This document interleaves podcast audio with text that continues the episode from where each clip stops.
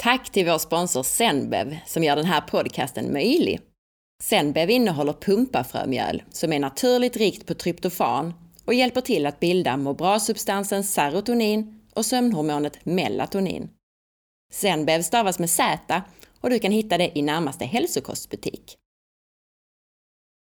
Hej och välkommen till For Health med Anna Sparre. Idag kommer vi att ta upp i stort sett alla aspekter av periodisk fasta. Väldigt konkreta tips på hur du gör det bäst, men också vad som händer i kroppen och så vidare. Tack snälla ni som har lämnat betyg och recensioner i iTunes och till alla er som delar med er informationen om podden på Facebook och till vänner. Jag ser och jag märker att ni gör det och jag tackar er innerligt. En recension i iTunes från Mange C lyder så här. Helt suverän podd med mycket bra och viktigt innehåll. Rekommenderas varmt. Ju mer ni lyssnar, delar och recenserar, desto bättre går det att hålla podden levande med gratis information och intressanta intervjupersoner. Jag vill också påminna om att du kan boka mig som föreläsare till ditt företag eller privata grupper. Och om du är nyfiken efter avsnittet så hittar du mer information på forhealth.se. Fasta, eller upprepad korttidsfasta, även kallat periodisk fasta. Jag skrev ganska mycket om det i början av 2012 när det började bli riktigt hett i hälsovärlden. Så för dig som vill läsa om det så gå in på forhealth.se och leta upp inläggen. Men vi börjar med vad det är. Periodisk fasta innebär att återkommande låta bli att äta under en kortare period. Till exempel ett helt dygn eller delar av ett dygn. Till exempel genom att skjuta fram eller hoppa över en måltid. Det finns många former av det här, som till exempel 5-2 och 16-8, men det kommer vi till snart. Varför ska man fasta då? Vi gör det för att inte bara efterlikna vad vi åt under evolutionen, utan också hur vi åt under evolutionen. Antingen genom en periodvis brist på mat, eller genom att jaga innan vi äter.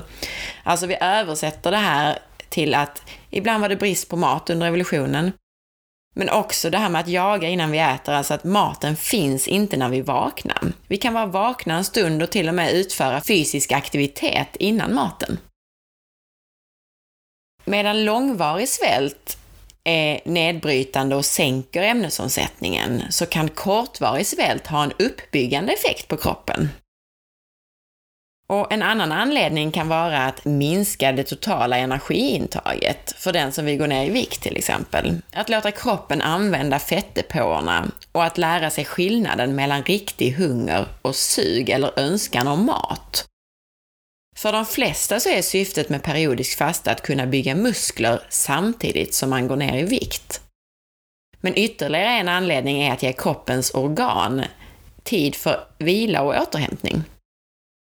Äter vi konstant så får organen gå på högvarv hela tiden. Korta perioder av fasta har också en liknande effekt som intensiv träning. När kroppen fastar eller utsätts för intensiv träning så tvingas kroppen bryta ner vävnad, både fettdepåer och muskler. Logiskt så föredrar kroppen att offra skadade proteiner och celler först. Man tror därför att denna kortvariga stress gör att kroppen gör av med sina sjuka celler på ett effektivare sätt. Samtidigt så triggar muskelnedbrytningen kroppen att producera nya friska muskelfibrer, så att den är redo för nya påfrestningar. Därför får du troligtvis bäst effekt av din periodiska fasta om du även tränar. Under fastan så skiftar dessutom kroppen sin ämnesomsättning till att förbränna fettsyror och ketoner i större mängd.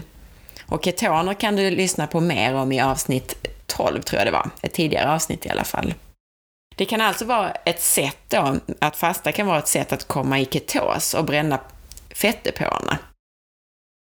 Så helt enkelt ett verktyg att boosta en eventuell viktnedgång eller en minskning av fettdepåerna. Och som vanligt så säger jag att allt har med hormoner att göra. Några hormonella effekter av periodisk fasta är följande. På samma sätt som intensiv träning så stimulerar kortvarig fasta tillväxthormoner testosteron, vilka har en anabol, alltså en uppbyggande effekt.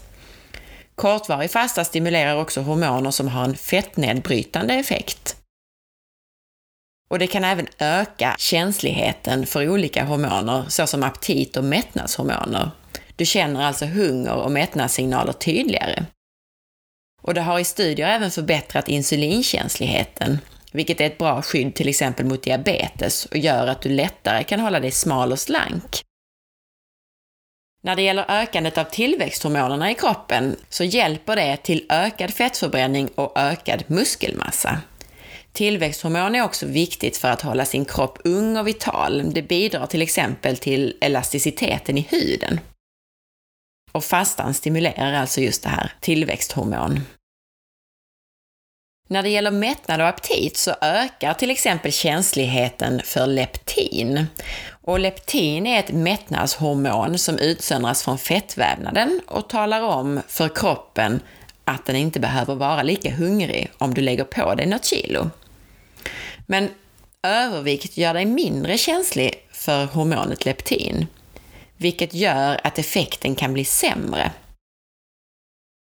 Men fasta kan alltså ge dig bättre känslighet för leptin, det här hormonet, så att du lättare känner mättnad. Och detta gäller om du fastar även om mängden kalorier är konstant. Alltså även om din fasta innebär att det inte blir totalt sett mindre kalorier så är det en fördel att ibland äta större och färre måltider jämfört med konstant snaskande.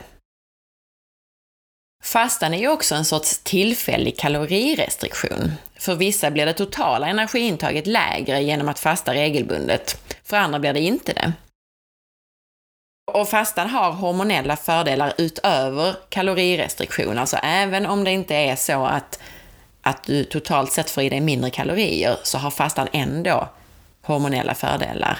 Men eftersom det ofta blir någon sorts kalorirestriktion, i alla fall tillfälligt, så kan det vara värt att nämna fördelarna med just det här. Forskning på djur visar att möss som lever under kalorirestriktion får minskade nivåer av tillväxtfaktorn IGF-1. Och eftersom IGF-1 förknippas med celltillväxt och cancer så leder minskade nivåer till längre liv hos möss och mindre risk för cancer då. Det finns också studier på människor som pekar åt det här hållet.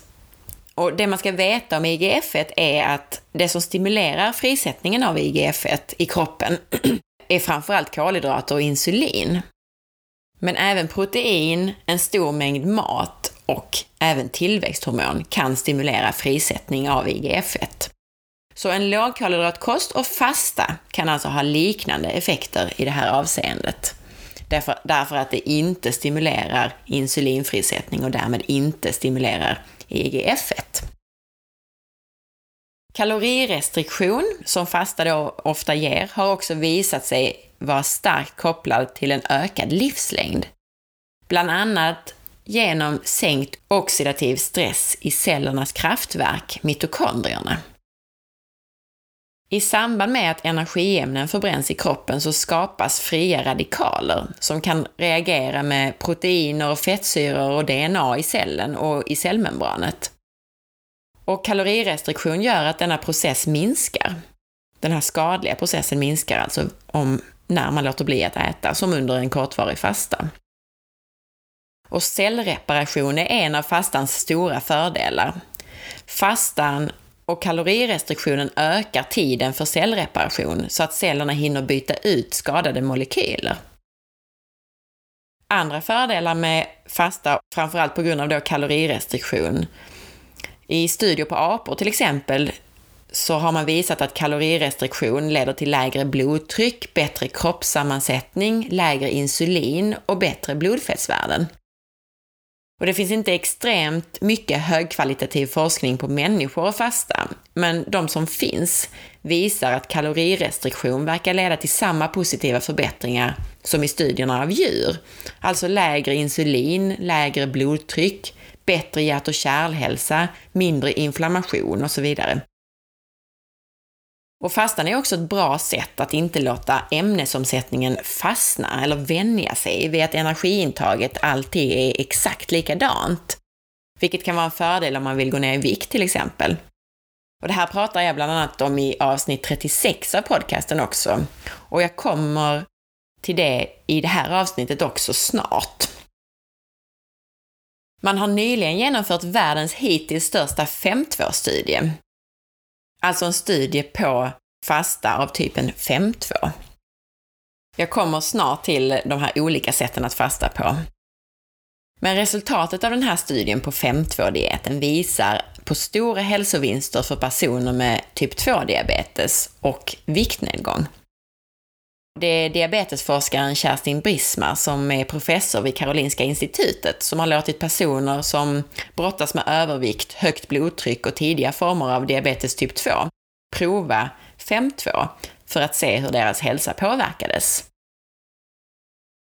Och då var det 105 personer som inledde den här försöksstudien där man under ett halvår fastar två dagar i veckan och äter vanligt de andra fem. När man sammanställde resultaten för de 62 första deltagarna så uppgav majoriteten att de mår bra av 5.2. I genomsnitt så har de minskat sitt BMI från strax under 29 till strax under 27. Diabetikerna de har störst förändringar vad gäller midjemåttet och när de gick in i studien så hade de i genomsnitt 104 cm midja. Och efter sex månader med 5.2, alltså att de fastade två dagar i veckan, så var måttet istället 100 cm. Och sex månader efter att studien avslutats så har de bibehållit hälsoeffekten och ytterligare minskat midjemåttet till 98,5 cm i genomsnitt. Och även de som inte hade diabetes hade en gynnsam utveckling, men de var smalare från början än diabetikerna och minskade inte lika mycket alltså. Värdena för kolesterol, blodtryck, blodsocker och inflammationsmarkörer de hade också förbättrats överlag i den här studien på 5.2-dieten. Och det är ju inte så konstigt att man som typ 2-diabetiker får hälsovinster av periodisk fasta om man normalt sett äter en vanlig blodsockerhöjande mat, alltså en kolhydratrik mat som höjer blodsockret. För kalorirestriktion de här fastedagarna har enormt positiva effekter, vilka kan efterliknas genom att antingen äta en lågkolhydratkost som inte ger ett högt inflammatoriskt och diabetesframkallande blodsocker, eller genom att fasta. Eller varför inte kombinera de båda för att få ett riktigt bra resultat? Alltså både lågkolhydratkost och fasta borde vara den optimala lösningen för en typ 2-diabetiker. Men hur gör man då när man fastar? Det finns många olika sätt att korttidsfasta och något som har blivit stort är just 5.2 som jag nämnde här, den här studien var på 5.2. Det innebär att man äter som vanligt fem dagar i veckan och äter väldigt begränsat två dagar i veckan. Själv så tycker jag att många får bra resultat av 6-1-fasta, vilket innebär att man fastar ungefär ett dygn i veckan.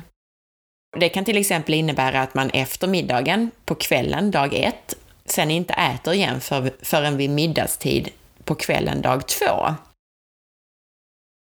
Många kör annars fasta av typen 16-8, vilket också är vanligt och populärt. Man fastar alltså 16 timmar och äter 8 timmar av dygnets 24 timmar. Om vi tar då det sista som exempel, alltså 16-8, så enklast att göra detta är i samband med natten. En del gör det varje dygn, till exempel fasta 16 timmar mellan, säg klockan 19 på kvällen och klockan 11 på förmiddagen, då du bara dricker energilös dryck som vatten, te eller kaffe och sen äter under de resterande 8 timmarna. Hur många timmar man än väljer så tycker de flesta att det är enklast i samband med natten och hoppar över eller skjuter fram frukosten. Och jag kommer till lite mer praktiskt kring det här huret. Eh, några väldigt handfasta tips på hur man ska bete sig när man fastar för att må bra. Men i stora drag så mår du bäst av att fasta och du klarar vardagen om du äter en kost som gör att din kropp har lätt för att använda fett som energikälla. Alltså att utnyttja de depåer du har. Genom att den är van vid lågkolhydratkost och då i brist på mat lätt kan utnyttja fettet från våra depåer alltså. En fettrik lågkolhydratkost, till exempel en paleokost med rikligt med naturligt fett, det är en bra grund. När vi äter en lågkolhydratkost och undviker ett svängigt blodsocker så håller vi oss mätta längre och har en stor del av vår energiförsörjning från fett. Fettdepåerna kan alltså gå in med bränsle när vi inte tillför mat. Men även den som äter en vanlig, då inom citationstecken, västerländsk kost minskar ju sitt blodsocker genom att fasta. Så därav så ser man tydliga fördelar av fasta även då. Men fastan lär bli kämpigare eftersom du är så beroende av att kroppen ska lyckas klämma fram blodsocker till dig om din kropp inte är van att bränna fett. Jag är själv fast övertygad om att det här fungerar utmärkt för många, det här med fasta, och det är däremot sämre för vissa. Precis som med allting annat så är det lite individuellt. Men en del av dem som inte tror att det fungerar för dem kan bara behöva några praktiska tips, vilket jag kommer till snart. En fördel med korttidsfasta kan vara ett sätt att komma bort från fixeringar vid mat. Att titta på klockan och tänka, nu är det mat om en timme, nu är det mat om tio minuter, nu är det snart mat. För då känner du inte ens efter om du är hungrig och behöver mat. Du bara vet att du äter klockan 7.30, klockan 12, mellanmål klockan 15.30 och middag klockan 19. Och det är inte riktigt så vi vill ha det. En fördel med att äta rätt sorts mat är också kopplat till hormoner och mättnadssignaler. Din kropp ger dig bra signaler om du äter en kost vi är gjord för att äta. Och lär dig då att lyssna på din kropp på riktigt. Hjärnan döljer ofta kroppens signaler genom sug på mat, gärna på kolhydrater, men även på energi som sådan.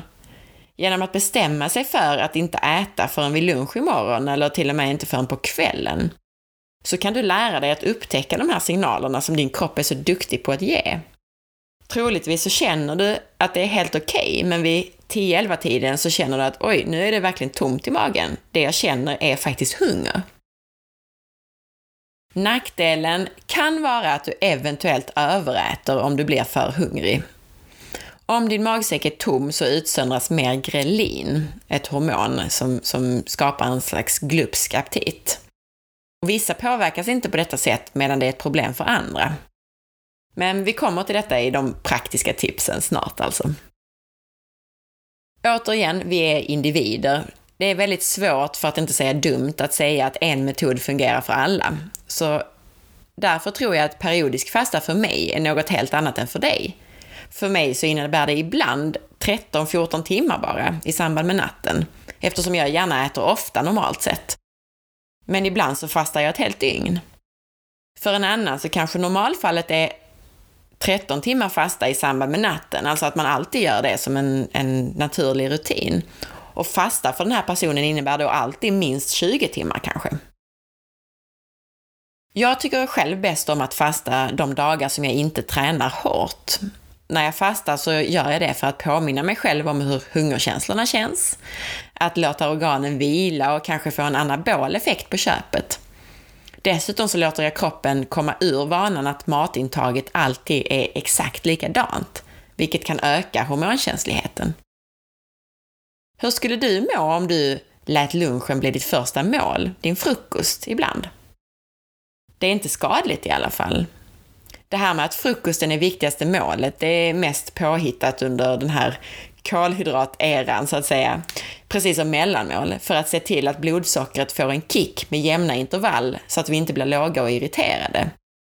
Äter man en kost som är rik på naturligt fett och inte har så mycket snabba kolhydrater så behövs inte detta längre. Och det är fritt fram och absolut inte skadligt att testa att fasta eller att skjuta fram frukosten helt enkelt. När det gäller träning och periodisk fasta så rekommenderar jag att avsluta fastan med träning om man vill träna. Återhämtningsmålet kan vara en viktig del i att stoppa de nedbrytande hormonerna som utsöndras under träning. Och därför så är det ganska bra att, att äta efter träning, för det mesta. En parentes ska vi lägga in, för fasta kan vara väldigt uppbyggande och stärkande. Men det är en sorts stress, en påfrestning för kroppen. Så fördelarna gäller ju för det evolutionära samhället, alltså så länge man lever ett relativt stressfritt liv i övrigt. Har man redan mycket påfrestningar på kroppen och kanske påverkade binjurar, så ger det här med fasta en extra belastning på kroppen och kroppen måste kämpa med att reglera upp sitt blodsocker med hjälp av kortisol under fasteperioden. Mer arbete för binjurarna alltså.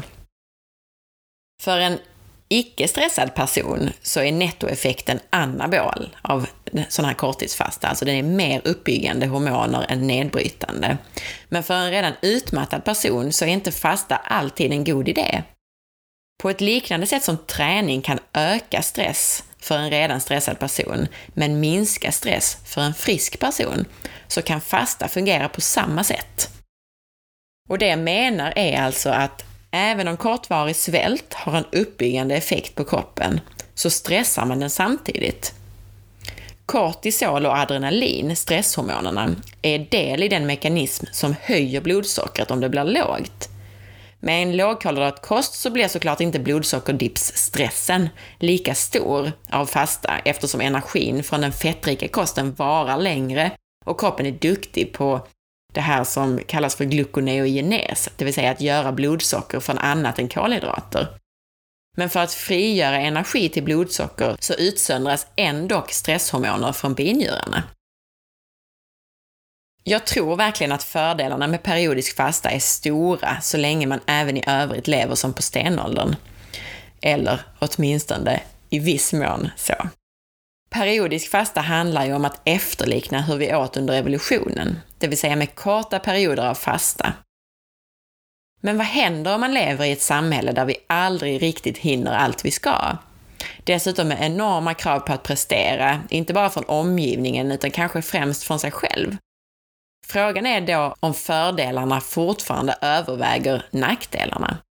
Frågan är om den ackumulerade stressen, alltså både den som beror på jobb och tankar om prestationer, samt den som kommer från fastan, blir så hög att det får en negativ effekt totalt sett.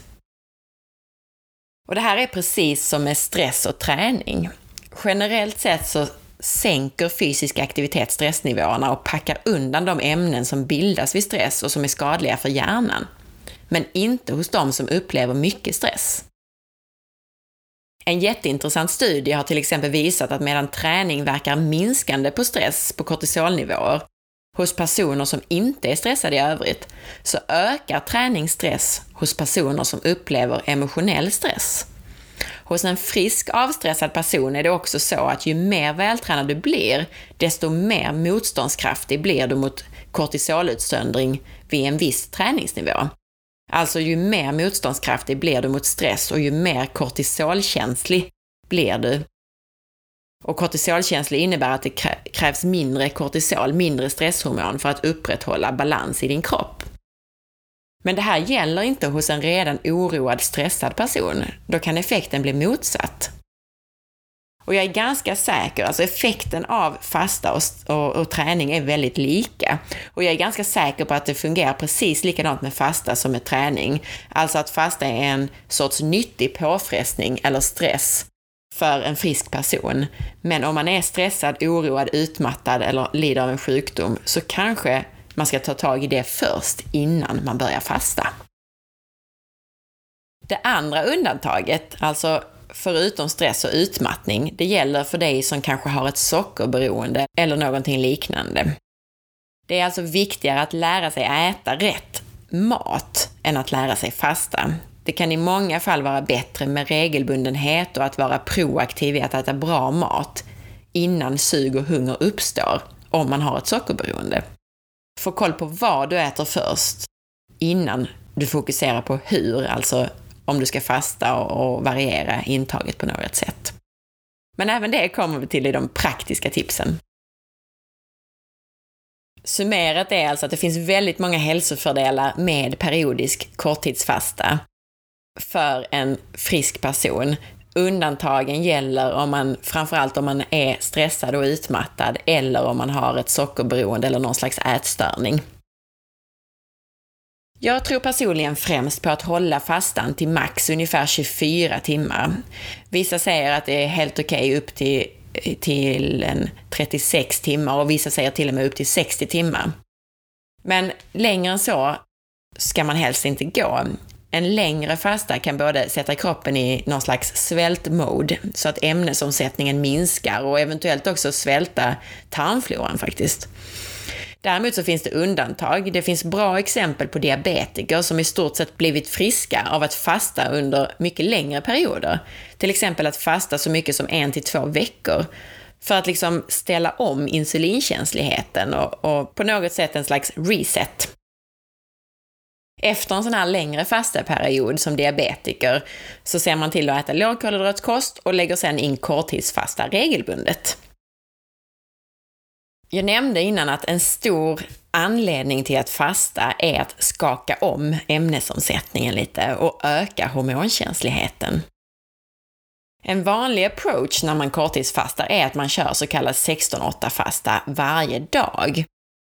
Och det är såklart inte fel i den bemärkelsen att om man trivs med det och mår bra av det så är det självklart okej. Okay. Men för att gå ner i vikt och öka hormonkänsligheten så är det bättre att variera födointaget ännu mer. Att äta mer vissa dagar och mindre andra till exempel. Det är också mer i linje med hur det har varit under evolutionen. Vissa dagar så fanns det gott om mat och då åt man därefter. Andra dagar så fanns det mindre mat eller i stort sett ingenting. Jag tror att många kan ha nytta av att eh, köra en heldag med fasta en gång i veckan eller liknande, alltså en 6-1-fasta. Något annat att tänka på är att man till exempel i perioder med mer fysisk aktivitet kan passa på att äta mer.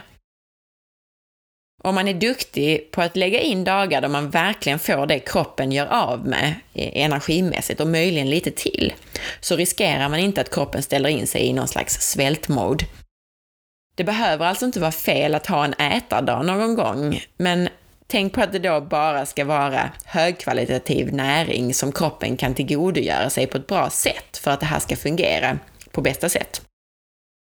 Jag pratar alltså inte om kanelbullar och godis, utan om riktig mat, men i mer mängd. Eller kolhydrater möjligen av bättre kvalitet, som rotfrukter och sötpotatis till exempel. Och någonting annat som jag själv gör för att variera ämnesomsättningen lite är, förutom att ibland slänga in till exempel en 16-8-fasta och ibland en heldagsfasta, är att variera dagar med väldigt lite kolhydrater, det vill säga ketogen kost, med dagar då jag antagligen äter mindre energi totalt sett, men lite mer kolhydrater. Till exempel genom att äta lite frukt eller jordgubbar mellan färre riktiga mål, så att säga. Men rent praktiskt då? Trots alla fördelar som de flesta kan uppleva med en periodisk fasta så tycker en del att nej, det går inte, jag mår så dåligt. Jag tänker inte fasta. Då tror jag helt ärligt att man gör fel.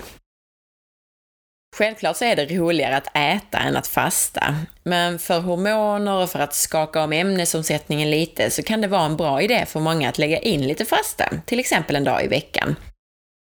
Och det behöver inte vara särskilt svårt eller jobbigt.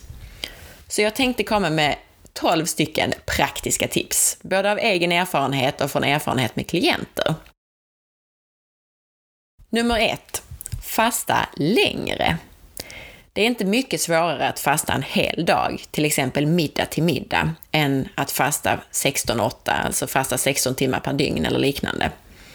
Det vill säga ett dygn är inte svårare än att bara hoppa över frukost. Oftast är den jobbigaste perioden på förmiddagen och sen kan man lika gärna fortsätta fasta. Dessutom, om man fastar för att få fart på ämnesomsättningen eller att gå ner i vikt, så blir det lätt efter en så kort fasta, alltså att hoppa över ett enda mål, att man äter dubbelt så mycket till lunch istället. Men fastar man ända fram till middagen så blir det faktiskt totalt sett mindre energi den dagen. Jag tycker att man får bättre resultat på alla möjliga sätt om man kör en heldagsfasta än om man kör 16-8. Däremot så rekommenderar jag inte att fasta så mycket mer än 24 timmar per gång för gemene man. Vi vill inte sätta oss i något svältläge. Det andra tipset har med aktivitetsnivån att göra. Att välja en dag med mycket att göra när du fastar. Dels så lönar det sig att fasta den dagen för att du hinner med mer när du slipper tänka på alla måltider.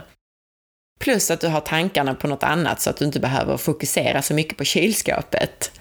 Sist jag fastade till exempel så valde jag en dag när jag hade en hektisk dag och skulle hinna till Köpenhamn och ha ett tre timmars möte som sträckte sig över lunchen. Perfekt! Behövde jag inte ens tänka på att jag skulle eh, hinna få i mig någon mat, utan det löste sig ändå. Mitt tredje tips är att inte ha en massa förbud. För det första, börjar man tänka att oh, nu får jag absolut inte, det är förbjudet att äta någonting den här dagen, så kan man inte fokusera på någonting annat än mat.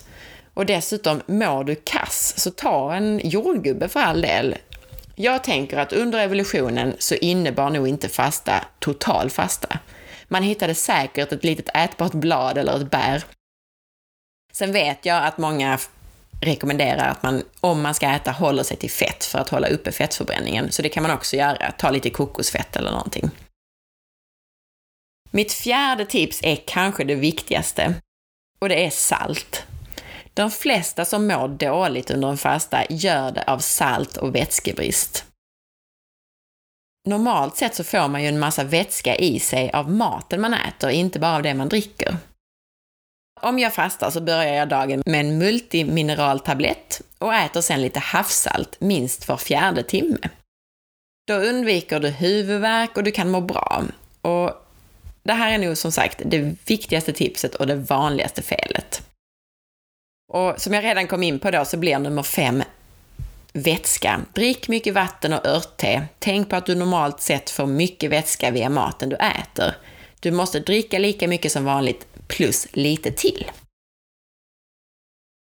Mitt sjätte tips har med träning att göra och personligen så tycker jag att det är enklast att inte träna så hårt när man fastar. Jag blir så himla hungrig av att träna. Men lite hemmaövningar eller ett yogapass, det funkar bra.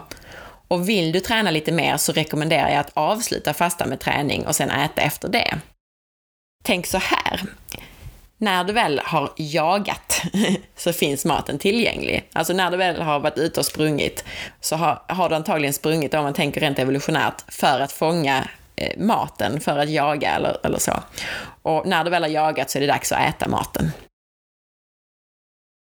Mitt sjunde tips har med hungerkänslor att göra.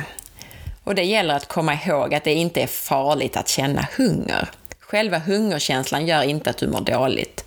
Mår du däremot dåligt så ta lite salt och vatten och om du verkligen behöver, ta en liten munsbit av något. En sked kokosfett eller som jag då, ett eller två bär helt enkelt.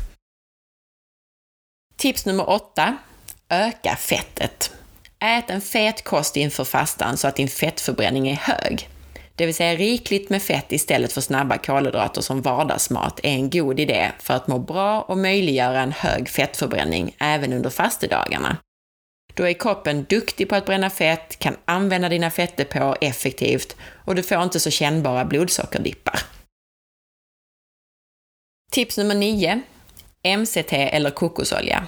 Vill man så kan man börja dagen med en sked kokosfett eller MCT-olja. Det kan för vissa boosta fettförbränningen under fastedagen. Tips nummer 10. Var flexibel. Har du sovit dåligt eller inte är på topp den dagen du hade planerat att fasta, strunta i det och ta den dag när du känner att du mår bättre eller att det känns bra. Att du är sugen på det helt enkelt. Tips nummer 11. Bryt fastan rätt. En del personer gillar inte att fasta eftersom de känner att de överäter efter fastan. Och det är helt okej okay att äta mer än vanligt efter fastan, men man ska ju helst inte äta tills man mår dåligt. Du kommer också troligen att ta igen lite genom att äta mer och oftare även de kommande målen. Men har du en tendens att överäta, så bryt gärna fastan, alltså avbryt fastan när det är dags att avbryta den med riktigt mycket gröna bladgrönsaker. Och sen ett vanligt mål med protein, mycket fett och grönsaker. Du kan till exempel som en förrätt woka ihop en stor portion spenat i lite smör eller göra en stor förrättssallad på rucola med mera. Eller göra en grön smoothie på spenat, grönkål, selleri och avokado. Och det är helt okej okay att smaksätta den med lite äpple så blir det betydligt godare. Och slutligen det tolfte och sista praktiska tipset. 1. Vad? 2. Hur? En bra grundkost är viktigare än fastan. Vad man äter är alltså viktigare än hur man lägger upp det. Jag gillar till exempel inte att det ofta relateras till 5-2, som att man kan äta vad man vill runt de fastedagarna. Börja med att hitta en näringsrik och bra grundkost som kan ge dig en hög fettförbränning och bra hälsa. Särskilt viktigt är detta om vi pratar om sockerberoende eller andra matmissbruk. Kom i ordning med att du äter rätt mat först och ät hellre regelbundet och för många mellanmål, alltså ofta då, så länge det är bra mat. Om du däremot har det på plats, då kan fasta vara en grej som tar din kost ett steg längre.